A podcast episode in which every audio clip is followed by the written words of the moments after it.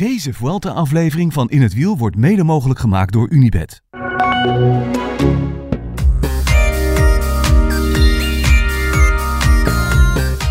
Giel, je begon net met een vraag. Ja, of jij de Vuelta nog spannend vindt. Ja, dat, dat is een goede vraag. Zullen we hem aan Thijs stellen? Ja, week 2 zit erop. Thijs, goeie nacht. Is de Vuelta nog spannend? Eh, ik zou zeggen, is de Vuelta weer spannend? Ja, oké. Ja, dus. Is de Vuelta spannend? Eh, ja. Ja, een stuk meer dan woensdag, ja. Ja, er is weer een hoop. Dat verandert wel een hoop steeds, hè? Tussen de podcasten door. Ja, stiekem wel, ja. Ja, ik denk nog steeds dat Evenepoel wel echt dik favoriet is om te winnen. Maar ja, het is wel dat, dat onaantastbare wat hij een paar dagen geleden had, dat is er wel vanaf. We- Hoe denk je dat het door de valpartij komt? Of denk je dat hij te veel met krachten heeft gesmeten? Of dat. Nou ja, week 2 en 3, dat is hem nog niet helemaal bekend natuurlijk. Nou, het zal ongetwijfeld allemaal wel een beetje meespelen, maar ik denk dat die valpartij wel het meeste invloed heeft. Ja. Als je, er was een filmpje eh, van gewoon van de organisatie en die hadden hem gefilmd. eh, eh, de, nou, dat is eigenlijk dus de dag nadat hij het meeste tijd verloor. Dus dat was op de Pandera, eh eh gisteren, zaterdag. Zaterdag. Ja. Die hadden hem gefilmd toen hij van de fiets afstapte. En toen, ja, je zag het eigenlijk tijdens de rit en zo, zag je helemaal niet dat hij daar zo be- niet zoveel last van had. Maar toen zag je echt dat, eh, hij, hij stapte van zijn fiets af. En toen zag je echt dat hij zijn rechterbeen ehm, soort, ja, niet, wil, niet belasten. Dus dat hij soort helemaal op links stond en dat rechts eh, helemaal eh, los was. En toen zette hij een stap, want hij moest naar het podium lopen. En toen zag je echt dat die, dat die heup niet meedeed. Ja, ja. Dat hij zo'n zo'n halve stap deed Ja. en dan snel weer op zijn linkerbeen ging staan. Ja, toen zag je wel echt dat hij, ja, als, je dat doet, dat, dat hij echt last had van die rechterheup. En als je dat hebt met lopen, ja, dan heb je dat ook met fietsen in, in die extreme strekking. Eh, of extreme buiging. Dus ja, ik denk dat hij er wel, eh, wel stiekem meer last van ehm, had. En, dan dat hij ja, dat ze wilde vertellen eigenlijk. En dat, dat gevoel kreeg ik ook wel na de rit van vandaag. Toen hij eigenlijk daar wel over wilde praten. Want hij zat de hele tijd vragen daarover af te houden. En toen de rit van vandaag begon hij er wel over te praten. En meer zo, ja, het is nu het ergste achter de rug. En het was al een stuk beter. En ik had een shit day.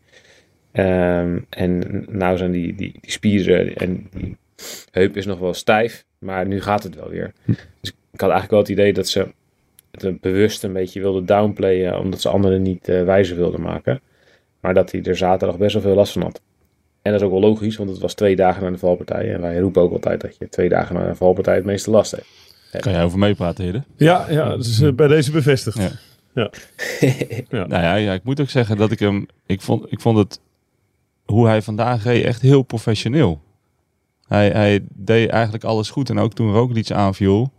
Gewoon zijn eigen tempo blijven rijden. En eh, natuurlijk waren gisteren en vandaag echt zware dagen.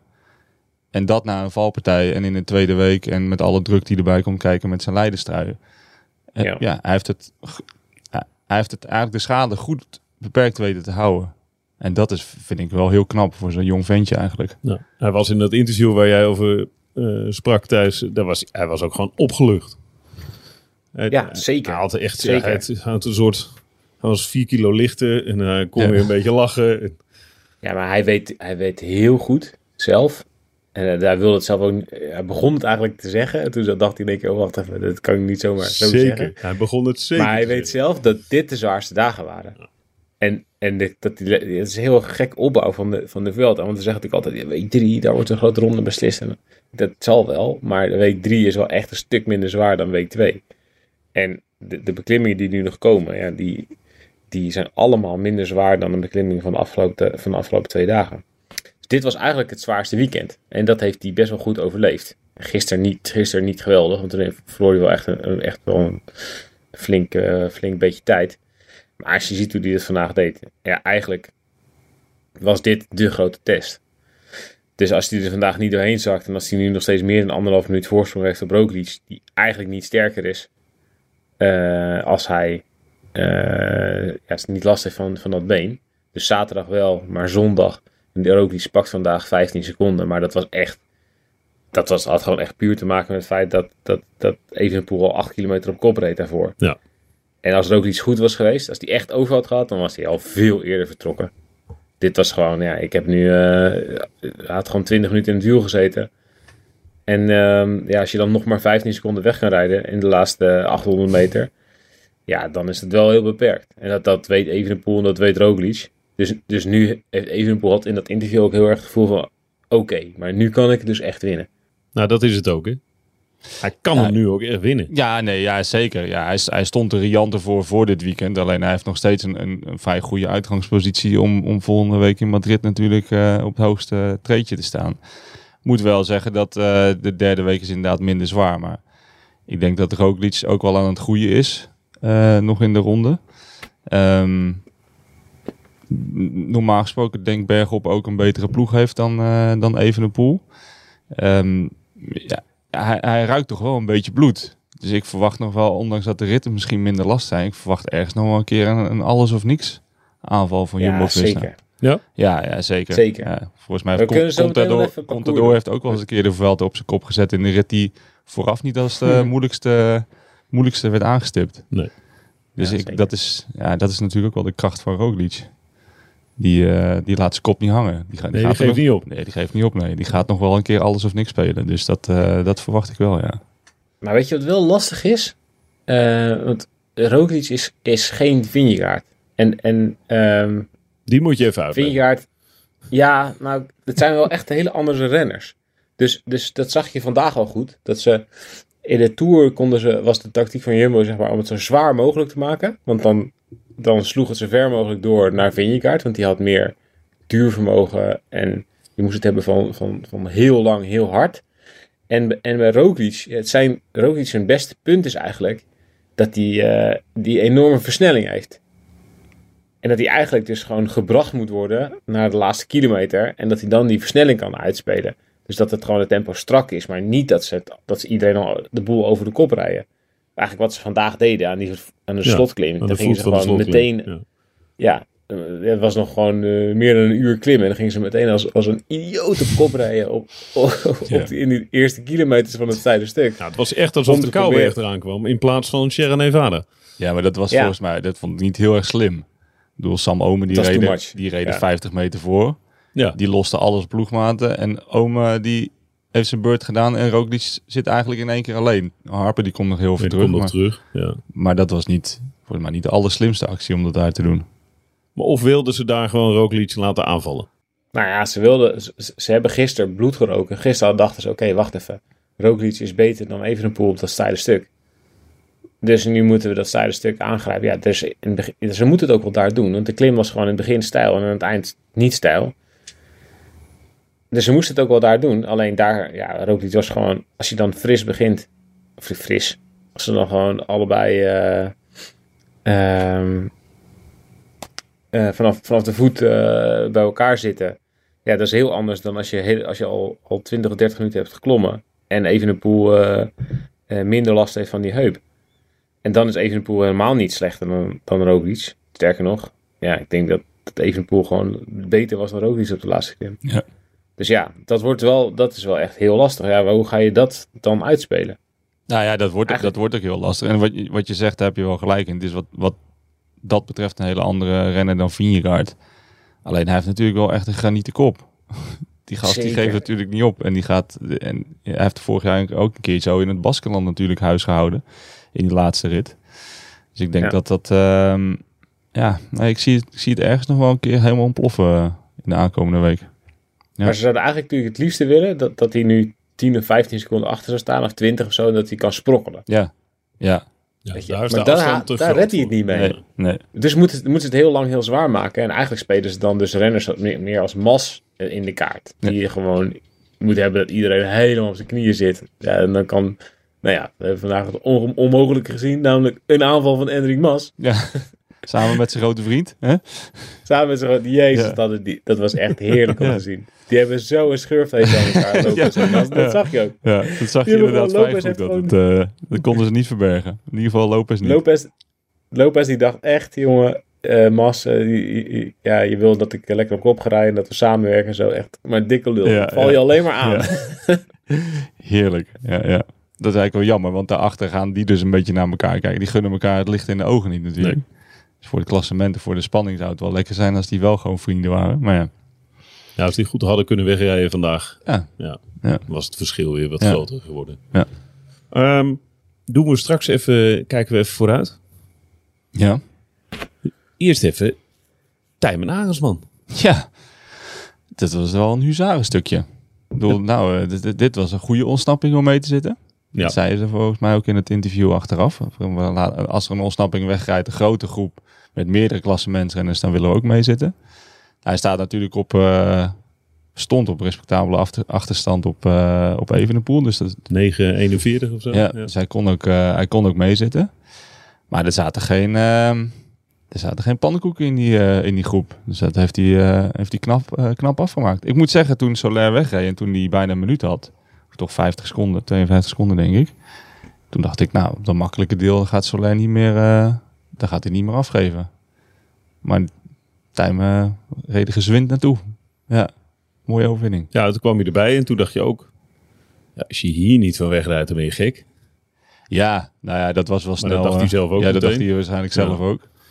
Maar ja, het, be- ja, het bewijst maar weer dat het... eh ja, het een enorme motor heeft die, heeft die jongen. En, en ook dat hij gewoon altijd naar het einde toe van een grote ronde gewoon echt goed is. Dus nou, het is einde van week twee. En ja, het, hij is, het zal nu moeilijker voor hem zijn om weg te rijden in de kopgroep. We gaan, ze gaan hem niet zomaar meer laten gaan natuurlijk. Maar hij staat nog, nog steeds op een minuut of zeven... 7, vijf. 5. Ja. Ja. Dus ehm, ja, maar deze heeft hij toch mooi op zak. De koningin van de, van de Vuelta. Dus ehm, ja, chapeau. Heel mooi. ja, Thijs. Ja. Onverwacht nog. een doorbraak, man. Is juist een doorbraak? Ja, ja, ik vind, ja, ik vind het eigenlijk wel, ja. ja. Weet je, het is gewoon, het is een supergoeie renner. En hij heeft dit jaar, nou, eigenlijk het hele jaar gewoon geweldig gereden. Weet je, hij wordt zesde in, in Tirreno en derde in de Tour de Alps. Ehm, hij wint een rit in, eh, in, in Polen en wordt tweede in het klassement daar. Maar als je gewoon, het- als het dus gewoon echt op puur vermogen gaat, maar hij is best wel groot. Ja. Dus hij moet zichzelf eerst dat steile stuk over, over hijsen. En dan is dus iedereen al een beetje naar de, naar de vaantjes. Dan hebben, ze al 20 minuten geklommen. En dan, ja, dan, dan slingert hij de motor aan. Ja, jezus hé. Dit is echt... ja, dat Ja, zei je in, de, in ja. dat interview na afloop. Ja, ja, ik moest gewoon, gewoon 400 of meer blijven rijden. Ja, hallo hé. Ja, want voor zijn lichaamsbouw is het echt een bizar goede klimmer. Kijk met Echt? wat hij daar allemaal in de groep zit. Maar hij is al langer dan 1,90. Mm, nou ja, ja, of rond de 1,90 Ja, oké. denk ik. Dus eh, ja. Ja, het is niet een, eh, het is niet je alledaagse pocket-size klimmer. Nee. Maar wat hij inderdaad weg kan, eh, weg kan trappen. Ja, want hij zegt, ja, hij, hij heeft het niet zo op die steile stukken. Maar als hij naar zijn, ehm, zijn brommer aanslingert, ja, dan is die, eh, dan is die niet te houden. 1,92 is die. 1,92. Zo. Moet je nagaan. Net zo groot als ik. Dat is een centimeter kleiner dan ik. Ja. Ja. Ja. ja. Maar dat, Dat dat is ook de reden dat hij de zitten. hele tijd in die kopgroepen kan zitten. Hè? Want hij, hij heeft gewoon superveel absoluut vermogen. Het is geen klein klimmertje die, eh, die eh, eh, 300 watt rijdt op het vlakke. Nee. Hij kan gewoon zo'n kopgroepje, of zo'n zo'n zo'n zo'n eh, zo'n kopgroep kan hij gewoon weg laten rijden. En hij kan er gewoon op het laatste moment nog naartoe rijden. Ja. Wat, ja, wat een talent, man. Ja. En hij heeft er ook wel een neus voor natuurlijk. Hè? Hij zit vaak in Ja. een goede ontsnappingen. In de Giro ook. Giro. Ja. Maar goed, die ene rit die... Waar Niet, die zo- zich niet zonder discussie, maar ja. Nee, maar die ene rit waar hij zich deze veld ook terug moest laten zakken... was uiteindelijk ook een kopgroep die wegbleef natuurlijk. Dus eh, ja. Het was wel... eh, ja, nee, klasse. Ja, ja, ik, Maar hoe moet ik het nou... eh, doe- kruip eens in zijn hoofd. Want hij heeft die, die hele aan, eh in, eh, in de Giro hebben we gezien en besproken. Eh, we hebben nu eh, recentelijk eh, dat hij zich terug moest laten zakken. En weer een discussie. En weer dat je dacht... hmm, hè? Dat, je, dat je op een gegeven moment ook denkt... Jezus mina, wat een, wat een zeikert. Het, het, het is natuurlijk geen zeikert. Het is gewoon een hele goede renner. ja. Kruip eens in zijn hoofd. Wat, wat is dit dan? Nou, ik denk dat dit wel de bevestiging is die hij ook voor zichzelf zocht. Dat hij, dat hij dit aan kan en dat hij dit kan laten zien in een grote ronde op het allerhoogste niveau. Eh, ja, en, en richting, ja, richting de derde week. Dat wisten we eigenlijk allemaal al. Hij werd al twee keer tweede in de Giro in een, eh, in een etappe. Vorig jaar denk ik ook al een keertje top drie in de Vuelta. In de Laatste rit. tijdrit sowieso. Ja. Dus eh, nou ja, dit is wel de bevestiging dat hij, dat hij dit gewoon kan. En dat hij nou eindelijk eh, die etappe wint. Ja, in zijn hoofd, ik, ik weet niet. Ik denk dat hij... ehm, zoals ik hem ken, denk ik best wel zenuwachtig is geweest om een klassement te moeten rijden. Dat het ook niet helemaal vanzelf ging in de eerste anderhalve week. Hij begint er nou doorheen te komen natuurlijk. Hij heeft wel veel last van warmte, dus dat, dat speelde hem ook wel parten. Dus het is, volgens mij was het een beetje hinken op een gegeven moment op twee gedachten. Van hij stond elfde. Dus eigenlijk is dan je klassement zo half en half wat weg. Nu stapt hij eigenlijk, nou, nu, nu pakt hij weer een paar plaatsen terug. Ja. Maar volgens mij die, die druk van dat klassement is een klein beetje weg. Geeft hem juist weer vleugels om een etappe te kunnen winnen. En het geeft hem dus ook de vrijheid om een etappe te kunnen winnen. Ja, en als, hij dat dan, als je dat afmaakt in zo'n groep. Ja, dat is alleen maar, dat is alleen maar heel mooi dat dat, dat dat lukt. Alleen nu komt misschien weer. Oké, en, nu, en nu dan weer voor het klassement. Dus ik weet, ja. Ik ben heel blij van. wat dat weer doet. Ja, nou, hij zal een stuk minder zenuwachtig zijn dan, eh dan ervoor. Hij heeft nu een etappe op, op zak, dus zijn Vuelta is geslaagd. En in principe is de Vuelta voor de ploeg ook geslaagd. Ehm, ja, ik denk dat het alles wat nu komt is eigenlijk nog maar een bonus. Maar dus ik hoop dat hij daar ook zo over denkt. Dat alles wat komt, dat dat oké is. Ook als hij nog drie plaatsen zakt. Want ja, of je nou zevende wordt in klassement of tiende en je wint de rit. Dat is, dan zou ik voor het laatst kiezen. Zou ik niet zevende willen worden en dan... Zonder rit. Ja, Thijs, een bevestiging voor zichzelf? Ja, die top 10 kan. Ja, tenzij die echt, echt er doorheen zakt ergens en, eh, en, en 10, eh, 15 minuten verliest. Maar als je ziet, ja, eigenlijk staat hij zo ver voor op eh 10, 11, 12. Dat top 10 in het klassement. Ja, dat, als hij nu gewoon elke dag blijft aanklampen en een beetje schade beperkt, ja, dan is dat. Dan is, dan is dat verzekerd al eigenlijk. En ik denk wel dat het heel belangrijk is dat je op een gegeven moment ook, als je dus een heel groot talent bent en iedereen zegt dat ook weer, en dat, nee, zo ziet hij zichzelf ook. Want hij weet, hij weet donders goed dat, het, dat hij bijzondere dingen kan.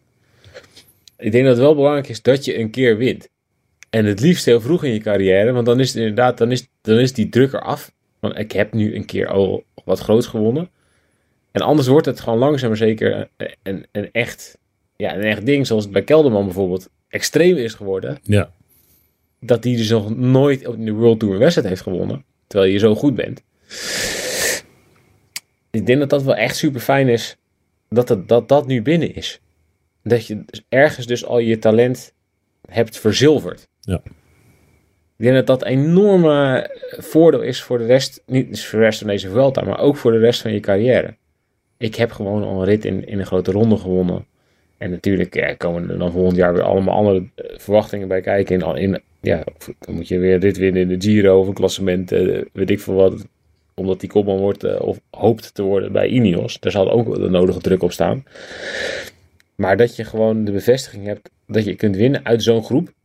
Dus dat je Carapaz en Vine eraf kan rijden. En dat je Soler dan gewoon kunt, kunt terughalen. En dat je de laatste acht kilometer Sneller rijdt. verliest. dan de favorieten. Ja. Ja, dat is wel een enorme bevestiging. En, en dus ook een enorme doorbraak. Ja, dit is wel wat anders nog dan de Ronde van Polen. Ja, nou ja, zeker, zeker. Maar ik denk ook, eh, wat je, wat je ook zegt, dat het, het brengt ook wel weer verwachtingen natuurlijk. Hè? En dat maakt natuurlijk, dat is wat echte kopmannen onderscheidt. Dat die waarschijnlijk ook ergens in hun begincarrière een grote wedstrijd winnen. En dan die verwachtingen ook in kunnen lossen. En dat is natuurlijk, ja, dat is voor iedereen verschillend hoe je daarmee omgaat. Dus ik ben wel benieuwd hoe Tijmen daarmee omgaat. Het is natuurlijk, hoe ken jij hem? Heb jij hem? Ben jij nog ploegleider geweest van hem? ja zeker. Ja, ja, ja. Nog t- eh, maar ook bij. Zeg al. Nee, nee, nee, bij SEG niet. Nee, bij, eh, nee, bij DSM. En eh, eh, twee jaar ook zijn persoonlijk coach.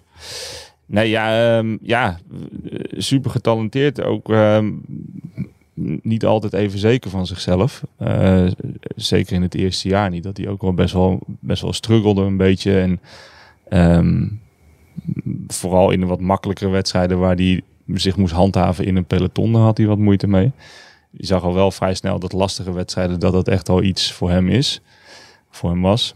En dus nog steeds is. Maar ehm, ja, hij, ik, ik denk dat hij ook we hebben er vaak grapjes over gemaakt hoe hij met Bardet, eh, die bromance en zo. Maar ik denk dat hij heel veel van... Voor Romme. voor Romme. Eh, ik denk dat hij daar wel juist heel veel van heeft geleerd. Vooral ook op mentaal vlak. Hoe je, nou ja, hoe je dus hier ook mee omgaat en met de druk omgaat.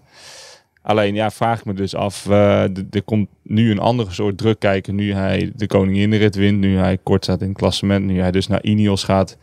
Ja, waarin we ook al de hele tijd zeggen. Ja, wie gaat nou volgend jaar... Wie, wel, hoe is de rangorde? Waar gaat Tijmen staan? Gaat hij voor Rodriguez staan? Gaat hij erachter staan? Wie zijn de anderen nog die er eh, rondom staan? Ja, die, die druk, ja, ik, ik hoop ook dat hij dat aan kan. Maar dat, is- ja, dat, zal, dat zal blijken. Maar het, hij is heel... Nou, laat ik het in vragende vorm doen. Is hij zelfbewust? Ja, ik denk meer dan... Misschien wel een beetje te. Nou, meer dan dat hij doet blijken aan de buitenwereld. Ik vind hem vaak eh, een soort van gespeeld bescheiden. Bij veel prestaties van hem doet hij allemaal alsof het hem dan in één keer overkomt of komt aanwaaien. Terwijl je, hij ook gewoon drie weken op een berg zich helemaal uit de naad traint en eh, alles ervoor over heeft en met, met de, de beste mensen werkt. Dus ik vind dat, ik denk dat hij best wel weet wat hij kan. Hè. Het is ook niet voor niks dat hij voor Ineos denk ik kiest. Dat is gewoon een hele bewuste keuze. En ik denk wel dat hij het pad wat hij voor zich heeft, dat hij dat goed aan het bewandelen is. Nou, dat wou ik zeggen. Want Thijs en ik hebben hem gesproken in aanloop naar de Giro, als ik het goed zeg. Mhm. Ehm, in een soort voorbeschouwende podcast. En hebben we met hem gebeld, 20 minuten. Toen wist hij dus precies te vertellen. Ik eh, ben van A naar B gegaan en van B ga ik naar C. En dan, eh, ja, dan is of D het pad of eh, via D naar E. Ja. Ja. Hij, hij, hij, toch, Thijs, hij was, hij was bijna calculerend over de manier waarop hij zijn sport bedreef. Ja, en in dat opzicht lijkt hij ook wel op Dumoulin. En dat heeft, daarvoor is hij zelf ook naar, destijds naar Sunweb gegaan. Omdat dat zijn, zijn voorbeeld was van hoe, hoe word ik klassementsrenner. Dus, dus hij wist, hij, hij- hij werd tweede in de Ronde van de Toekomst. In de Tour achter, achter Pogacar. Dat was best wel...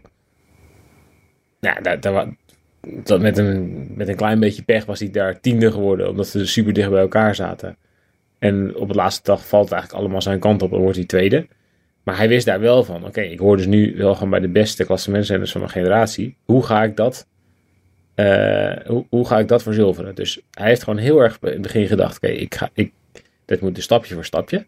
En ik ga elk jaar een klein beetje iets beter doen. En ik ga eerst dit leren, dan dat leren, dan zus leren, dan zo leren. En eigenlijk gewoon op de manier zoals Dumoulin het heeft gedaan. Van pokko en pokko. En ehm, je, je carrière echt opbouwen. In plaats van dus meteen ergens eh, voor een, klassement rijden in een grote ronde.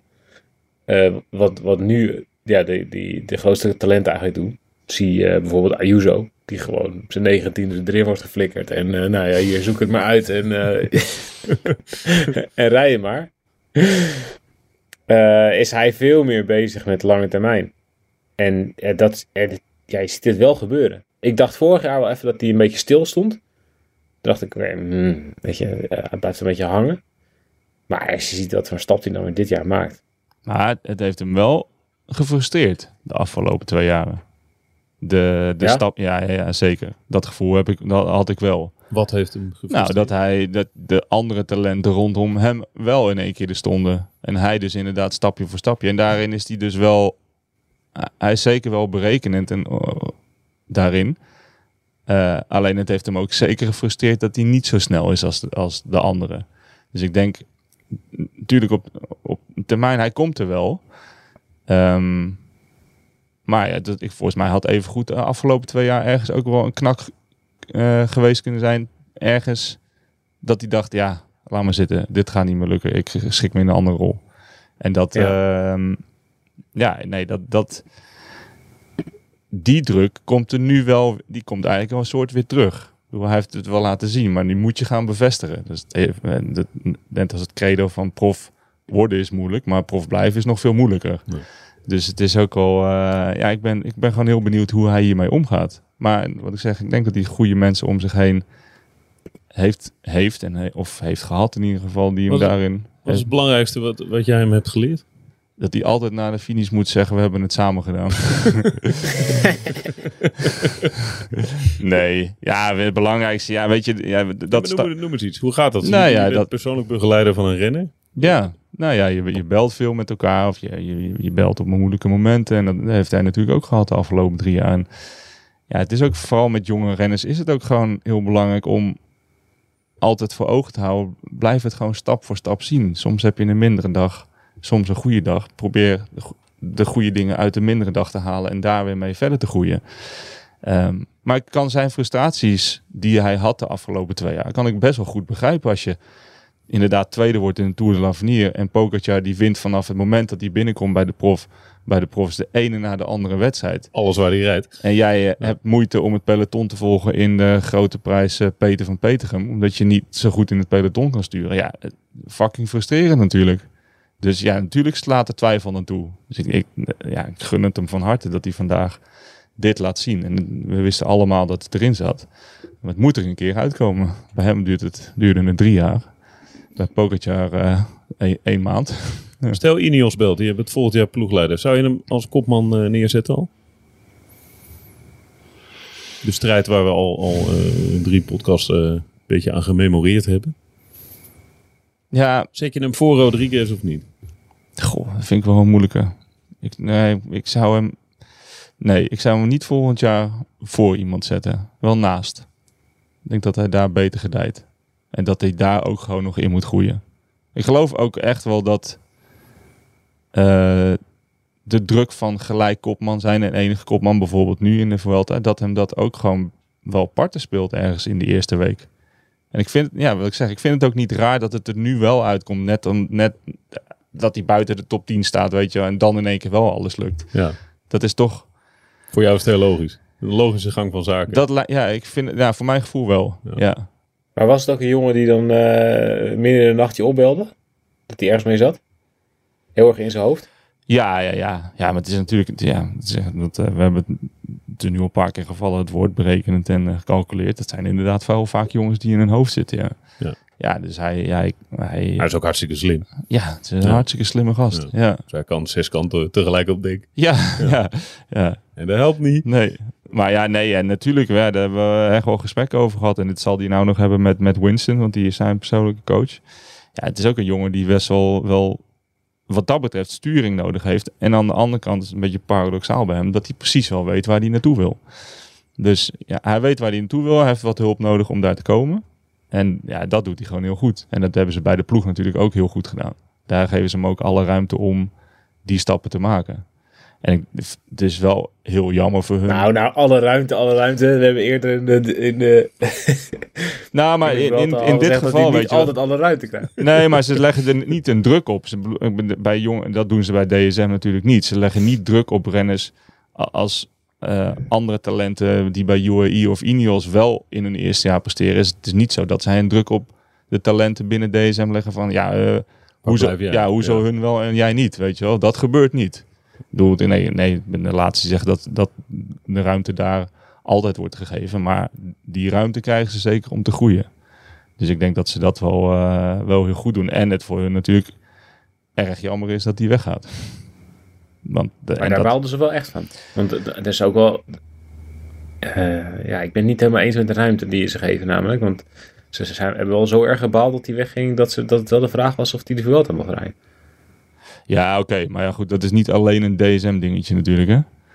Dat, is, dat is, gebeurt bij meerdere ploegen. Op een moment dat iemand weggaat, dan, dan kun je er donder op zeggen dat de laatste twee, eh, twee maanden van het seizoen dat er Heb niet heel veel, eh, ja, niet heel veel grote wedstrijden. Nee, ik bedoel echt de ruimte die ze geven aan talenten om te groeien. Net als, net als zo'n Marco Brenner. Dus die komt natuurlijk ook over van de junioren, die de Duitse renner is overgekomen van de junioren. Die heeft gewoon de amateurperiode overgeslagen. Ja, die geven ze alle tijd om te groeien. En dat, dat doen ze wel heel goed. Alleen, ja, voor het mooie zou het, zouden die stappen opgevolgd moeten worden in een traject daarna als ze een soort van uitgegroeid zijn natuurlijk. En dat gebeurt nu bij Tijmen niet. Die is heel erg gegroeid en daar heeft hij de tijd en de ruimte voor gekregen. En nu gaat hij naar Ineos. Pakt hij zijn biezen. Ja, ja. Snap je de stap naar Ineos? Ja, zei je net, maar... Ehm, Is het voor Nou. deze jongen logisch dat hij naar Ineos gaat? In zo'n ploeg, in zo'n structuur? eh, ja, ja, want ik, ja, ik, en met structuur bedoel je hoe gewoon de ploeg Ja, hoe de ploeg is opgebouwd, bedoel ik eigenlijk. Want voor de rest weet ik weinig van de structuur van Ineos. Nou, ehm, heel, nou, heel eerlijk niet. Vind ik, nee, ik vind het niet de, ik vind het niet de meest slimme keuze, denk ik. Ik denk dat hij, ehm, Waarom niet? nou, wat ik net zeg, dat het, het opboksen tegen eh, heel veel ander goed ronde talent en ehm, denk ik dat dat zijn, eh, zijn groei wel daarin zou kunnen stagneren.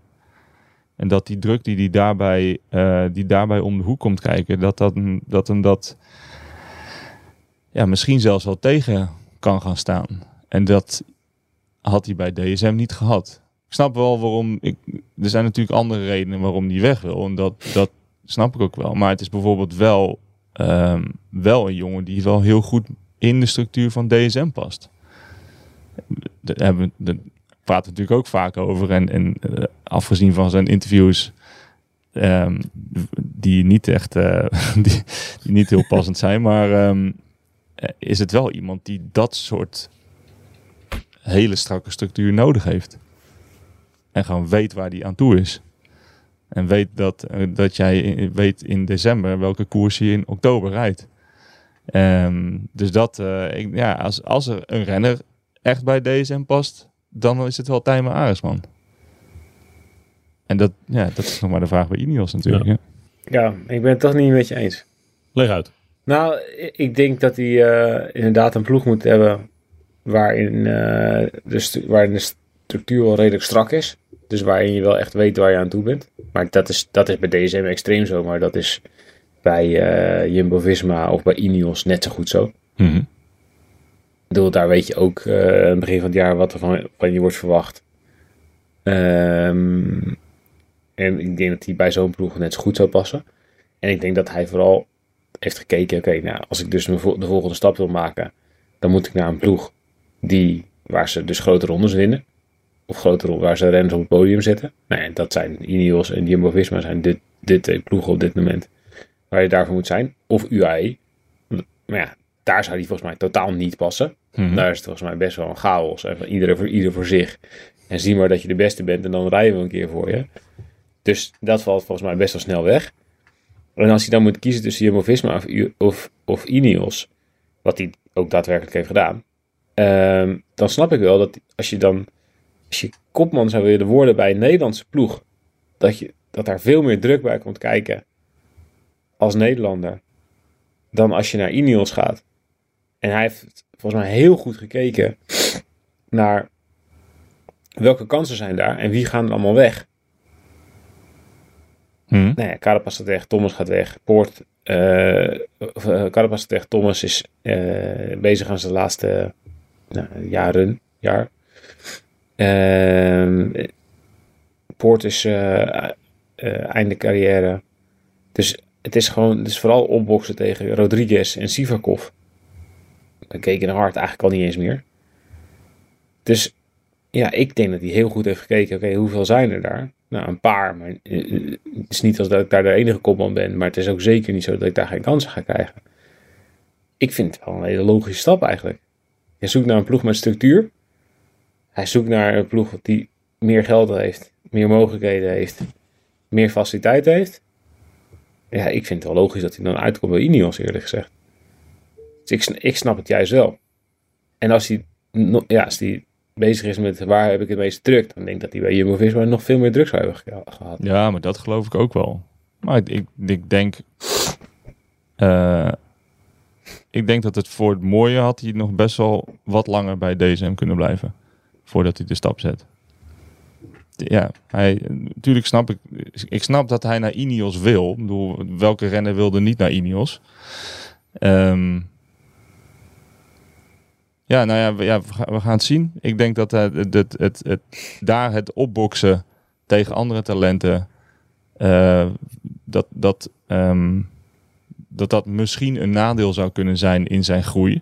Waar hij bij DSM natuurlijk de enige kopman in grote rondes was geweest. Of in, eh, of in, of in kleinere etappekoersen. Als hij belt, eh, ben je dan beschikbaar om eh, te begeleiden? Dat doe ik niet meer. Nee? Nee. Oké. Om hem te Volgens mij begeleiden? zit, Ja, Nee. je zou het wel eh, waanzinnig kunnen. Volgens mij ben je er heel goed in. Ja? Ja, Ja. dat denk Ik ik. heb het twaalf jaar geprobeerd. Maar, ik ben ook voor een reden volgens gestopt. mij zit, is, is, is zitten in zijn, eh, Zit in die auto. in zijn eh, type renner zit er wel een gevaar bij ploegen als Ineos en als Jumbo-Visma. Als je dus nog meer talent in zo'n ploeg hebt, dan zit er wel het gevaar dat hij wel echt de ideale eh, laatste man is in zo'n, in zo'n, eh, in zo'n treintje, Ja. bergop. Ja. Ja, ja, ja, zeker. De Froome in zijn beste jaren bij Ineos, die had eh, goud geld betaald voor, om Aresman het hele jaar voor zich uit te hebben. rijden. Ja. Ja, als laatste mannetje. En zo'n Ja. Sivakov. Dat was echt geen minder talent bij de onder 23 dan dat eh Tijmen was, hè? En het is nu een goede Nee. renner. Maar niet het talent... Hij heeft niet het talent waargemaakt als dat, wat hij was. En dat, Nog ik- niet. Het is ook nog steeds een jonge gast, maar die krijgt best wel veel kansen bij Ineos. Ja maar, ja, maar toch is het nog niet dat je... Ja, hij, wat zeg, hij is een hele goede renner. Maar het is niet een renner waarvan je nou zegt... Van, ja, dat is, dat is het talent. Het is niet meer het talent van, als wat het was. En dat, ik denk dat dat toch ook een beetje het manco is van Ineos. Er zijn zoveel goede renners... Dat, dat je ook sneller misschien je, eh, gaat in een ondergeschikte rol gaat, eh, gaat zitten. Ik vind het wel een mooie Ja. discussie hoor. Want ik, ja, ik, bedoel, ik, ik snap Thijs ook wel. Ja, en, en, en ergens, als je moet kiezen tussen Jumbo en Ineos, is natuurlijk niet helemaal waar dat hij moest kiezen tussen Jumbo en Ineos. Want hij moest kiezen tussen Jumbo, Ineos en DSM. Hè, want Ja. hij kon ook nog blijven. Ja, oké. Ja. Dan, eh, dan snap natuurlijk snap ik dat, hij, dat je naar Ineos wil. Als ik een renner was, zou ik ook graag naar Ineos willen. Maar ja, de- ergens het hele het gecalculeerde had ik ook voor kunnen stellen dat hij dan toch dacht, misschien nog één of twee jaartjes DSM. Ja. Ja, maar je weet nog ook dat ze beter niet voor één, voor één jaartje hadden ze denk ik niet verlengd bij DSM. Dan was het meteen weer voor twee of drie of vier jaar geweest. Ja, dat is misschien ook wel zo. Maar ik denk wel dat ze hem heel, heel graag hadden willen houden. Ja.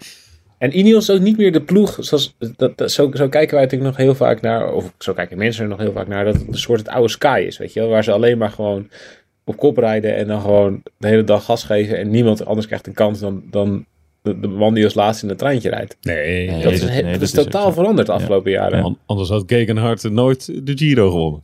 Nee, zeker niet. Maar ja, ook, anders had ook Carapaz bijvoorbeeld in zo'n zo'n Giro als nu, of zo'n zo'n Vuelta als nu, had hij niet gewoon elke dag in de kopgroep mogen zitten.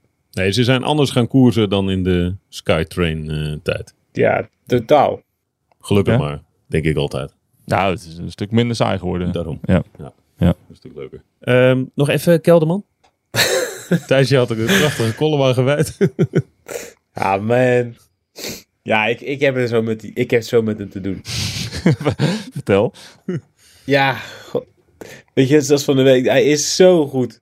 Zelfs als hij dus niet goed is, zoals in deze Vuelta, is hij dus nog steeds zo goed. Ja. En dan wil hij geen klassement rijden. Komt hij toch weer in het klassement heel goed te staan. Zelfs als hij dus geen goed klassement wil rijden, rijdt hij een goed klassement. Ehm, en dan zit hij in zo'n, in zo'n vlucht mee en dan rijdt hij iedereen eraf. En dan is Carapaz ineens weer. Heeft, heeft weer zo'n gevleugelde dag, weet je. Dan is er weer eentje beter. Dan wordt hij weer tweede en dan twee dagen later gaat hij weer op zijn bek. Jij, dat je echt denkt, oh mijn god, dit is een soort her- herhalend... Het blijft maar een soort herhaling, herhaling, herhaling, herhaling, herhaling. Ik zou helemaal gek worden als ik hem was. En dan zit hij zoals vandaag. Weet je, dan is hij op zijn bek gegaan en dan moet hij de hele dag achtervolgen. En dan weet je wel, ja, goed, ja, als je zo hard op je smoel gaat, dan is het. En, en het klassement kan hij vergeten. En dan kan je de komende dagen ook weer vergeten. Hoe hard was het? En dan is die. Die? Die valpartij? Ja? Nou, als je zag hoe open die lag. Jezus, man. Lag hij weer helemaal van top tot teen open. En dan kwam hij terug in het peloton en dan gaf hij dat duimpje. Heb je dat gezien? Ja. Ken je die scène van Monty Python en de Holy Grail? Dat, dat ze die twee ridders tegen elkaar gaan vechten. Oh, En ja. dat die ene ridder die slaat dan zijn arm eraf. En dan zegt die, ridder, zegt, zegt die ridder met die arm eraf. Oh, no problem, no problem. Uh, I'll fight with my left hand. En dan hakt hij zijn andere hand, arm, arm eraf. Oh, just a flesh wound. dan hakt hij zijn benen eraf. oh, no worries, I didn't want to run anywhere. anyway. Dus ja, zo, zo is, dat is met Kelderman ook. Dan geeft hij dat duimpje zo van, dan ligt hij helemaal open. En dan dat duimpje, ja, alles goed hoor. En dat je echt denkt, nee, alles is helemaal niet goed. Maar goed. Ah, ik denk wel dat de grens bij Kelderman op dat vlak ietsje anders ligt dan bij de gemiddelde sterveling op een fiets. Ja. Ja. Ja. Ja, het duimpje omhoog betekent geen gebroken nekwervels. Een paar schaafwondjes, daar eh, Ja. daar kijkt, hij niet, eh, kijkt hij niet van op. Nee, dat doucht hij wel omheen. Ja.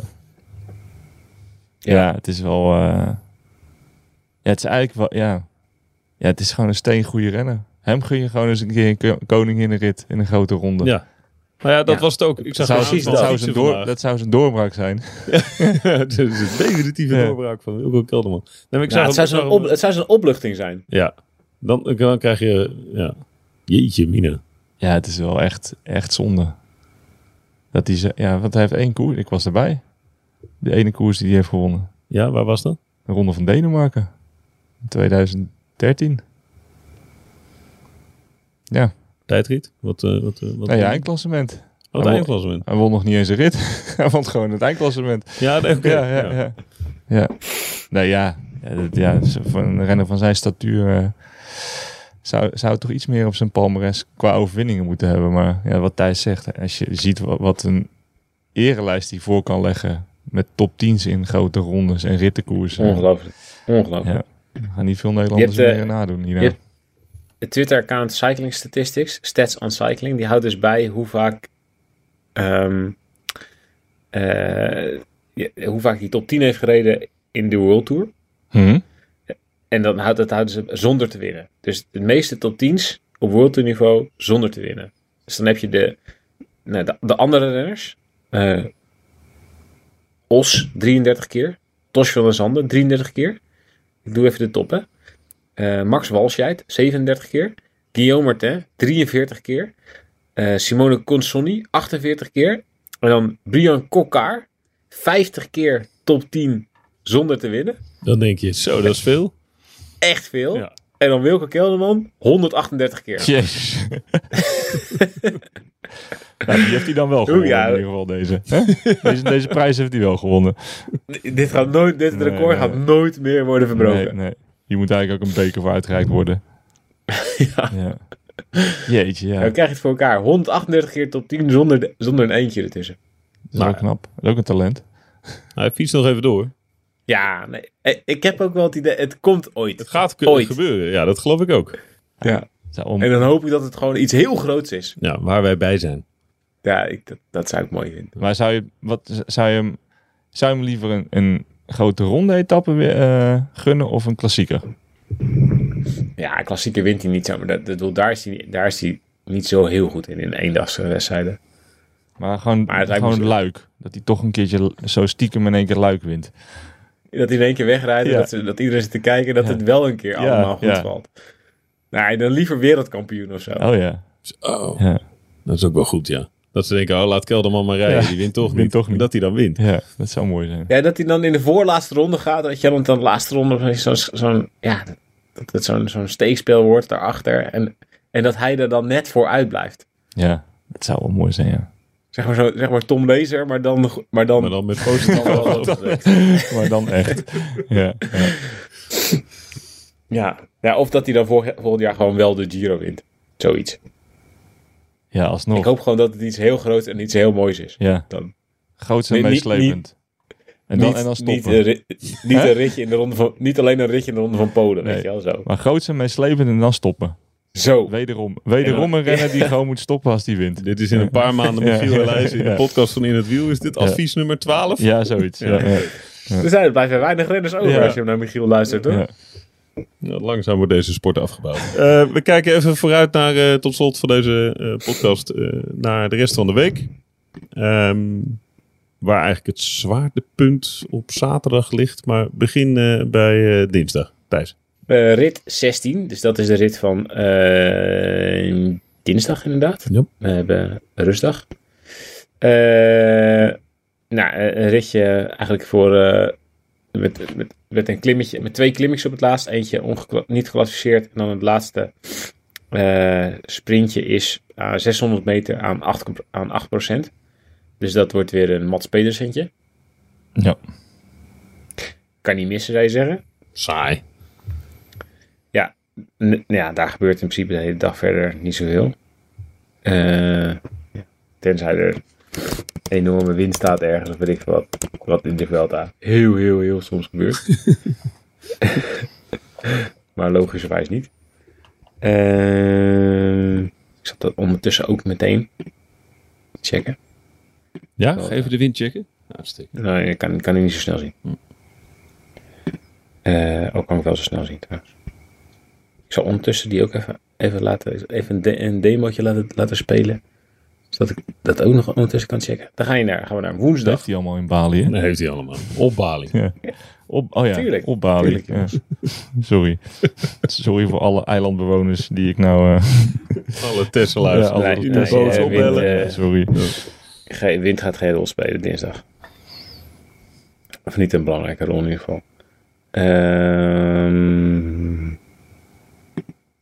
woensdag heb je dan aankomst bergop naar Monasterio de Tentudia. Ja.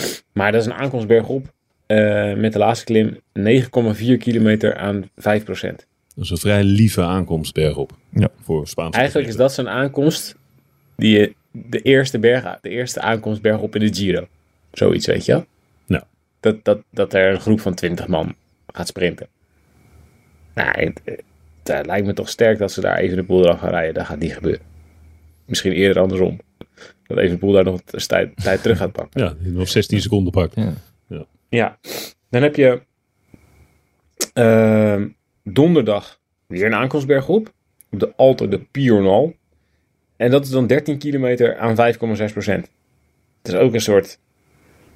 Sla, nou ja, een soort, eh, een soort platte berg. Een soort, soort Gemmerberg XL is het. Ja, ja, ja. Een soort Spaanse vluchtheuvel. Stelt niks Mooi, voor. hè? Ja, de- het sinds is wel sinds de Tour zegt hij dit, dat soort dingen. Het is Ja. stelt allemaal geen reet voor eigenlijk. Moeten we nog wel kijken Ja. naar die laatste week. Ja, maar dat is echt heel gek. Want ja, er zit gewoon... Bedoel, ja, als, ze kunnen daar gaan aanvallen. Maar dat, ze, ze beklimmen die berg twee keer. Dus je krijgt, gaat twee keer naar de, naar de top van die Piornal. Ehm, maar ja, het is gewoon niet super lastig. Dus is, dan moeten ze van heel ver beginnen. Of dan moeten ze echt een truc speciaal uit gaan halen. Met, eh met Rowan Dennis die al voor uitrijdt. Of weet ik veel zoiets. Maar dat, ja, dat is toch wel echt heel lastig om daar... Dat is gewoon eigenlijk het, het, het minder steile stuk van, van, van de Sierra Nevada en dan de hele tijd. Dus je hebt daar echt, ja, ze gaan daar gewoon de 8, 29 of 30 km per uur bergop rijden, hele Oh, stukken. En dan buiten zit je in het wiel. Ja, ja, dat zeker. Dan gaan ze zeker buiten blad bergop rijden.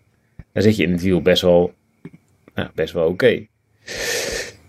Ehm, en dan krijg je ehm, de Ja, vrijdagrit. Die, die is heel kort. Is die 138 kilometer. Ja. T- En dan zitten twee beklimmingen in eh, van tweede categorie. Weer aan 5, 6 procent. En dan is de laatste eh 30 kilometer gewoon vlak. Dat is toch ook dezelfde? Ja, dat is twee keer dezelfde inderdaad. Twee rondes. Dus, dus eigenlijk heb je drie, nou ja, bergetappes. Die eigenlijk, ja... Het lijkt mij sterk dat er zullen- heus wel wat verschilletjes zijn, maar het gaat meer om een secondenspel. Dan moeten ze echt, dan moet je echt een hinderlaag leggen ergens en iets heel verrassends doen. Wil je daar echt iets voor het klassement eh, eh, een groot verschil maken? Maar ik moet Dat is best zeggen, wel- een rit van 138 met twee beklimmingen en eentje gelijk vanuit de start. Daar zie ik wel mogelijkheden. Komt het Doriaanse scenario komt in jou Ik denk dat Grisha, Grisha Niemann daar wel iets uit zijn hooghoed gaat toveren. Ja? Ja. De beste ploegleider van de, van de wereld? Dus, eh, momenteel wel, denk ik. Ja. Nee, dat Ja. is uh, Ja. Tour de France conclusie. Ja, ze zullen wel moeten. Ja, ze zullen wel iets, iets ja, ze zullen daar echt wel iets, iets geks moeten doen, inderdaad. En eh, dan krijg je de zaterdagrit. Ja, waar ik denk dat het toch wel allemaal op zal, eh, naar, zal, naar zal toe, eh, ja, de, de climax zal, zal zijn. En dat is de, de- eigenlijk de soort de rit ehm, Dumoulin tegen Aru 2015. Ja. Hm. Dus En we, wel, en we wisten, het we weten hoe dat afliep. hè? Ja, ja, Navacerrada, dus dat is echt een- in dat gebergte boven Madrid. En dat zijn niet super lastige beklimmingen op zich, maar er zitten er, ja, het gaat eigenlijk om vijf beklimmingen, waarvan de laatste ook weer niet heel zwaar is. Maar dat is wel de hele dag op en af. En daar kun je wel, ja, daar, daar kun je wel echt ploegen kapot rijden. Ja. En, eh en Evenepoel, als die dan nog aan de leiding staat, isoleren. En dat het dan één grote eh, man tegen man aanvalspektakel wordt. Dus ja, als je op, op papier zou je zeggen, drie redelijk makkelijke bergritten en dan alles op zaterdag. En een trucje op vrijdag. Trucje op vrijdag. Oké. Nou, weinig hoopvol. We begonnen zo hoopvol. Nou ja, Nou maar het verschil gaat is nu- Wie gaat er voor Vuelta winnen? Als het, als het drie minuten was geweest, dan zou ik zeggen, ja, dit is Dit is uh, eitje bakkie. Klaar. einde verhaal. Maar als nu, nu is het anderhalf minuut en twee minuten. Het zijn ook nog twee concurrenten. En dat zag je ook vandaag wel, dat dat wel lastig is. Ja, dan wordt het nog wel leuk. Wie gaat hem winnen? Ik denk even een Ik denk het ook. Is dat saai? Nee, ja, ik denk Roglic. Held. Ja. Held. Ja. Ja, ik zou het, ja, En hoe dan? zou het prachtig vinden als er nog een omdraaiing van, eh van Ja, er gaat nog iets gebeuren gewoon. Het is natuurlijk altijd gevaarlijk, hè? Denken dat de laatste week minder lastig is dan dat die op papier lijkt. Dat is waar. Zeker. Je hebt al iemand die hem al drie keer heeft gewonnen. Ervaring. Ik denk een betere ploeg. Dus ik, eh, nou ja, ik zie hem, ik zie hem nog wel, eh, ik zie hem nog winnen. Lekker. Vind ik een beter einde dit. Ja. Dit is een beter einde. Dit is ook mooier dromen thuis. Als je straks weer naar bed moet, is dit een mooier Ben dromen over de Vuelta. Ben jij tegen Evenepoel of zo? Nee, zeker niet. Nee, ik Nee, zeker moet niet. zeggen, moet ik eerlijk zeggen dat ik niet altijd zijn grootste fan was. Ik ben niet fan van zijn gebaartjes en van de dingetjes die hij doet. Ik vind hem deze Vuelta vind ik hem heel kalm en professioneel en hij oogt wel anders. Voor de Vuelta had Lefebvre ook gezegd, eh, het is een andere renner dan in het voorjaar. En Dat vind ik eigenlijk wel. En dat klopt wel. Ja, Dus ik vind, ik vind dat wel. Ik vind hem wel... Hij heeft mijn sympathie wel gewonnen de afgelopen twee weken. Ja, We kopen een eh RF-shirt gaaf. voor Michiel. En een pet. ik wil ook een pet hebben. Pet Ja, zal je refcat. krijgen. Ja, refcat. ja. ja. Lijkt me mooi. Goed jongens, bedankt. Geen dank. Ik zag dat de Belgen al de hele week all in gaan. Dus eh, dan kun je de hele week gewoon lekker naar de Vive le Velo kijken. Wat? Ja? Is er Vive le Velo? De hele week, ja. Wel vanaf, eh, vanuit België? Ja. Ja, oké. Ja. Kijk. Gaan ze hier nog invliegen? Maar, eh, daar hadden wij even contact, ja. Maar dat wordt wel een beetje lastig. Maar dat, eh, dat, eh, die kant sla je even over. Die sla ik even over. Maar ja, dan kunnen we, ik vind het aan de ene kant heel grappig. want Dat, dat, dat ze nu volle bak op alle toeters en bellen gaan slaan. Maar ik ben er ook wel ergens een beetje jaloers op. Hoe tof dit... Ja, dat hebben wij toch ook gezegd.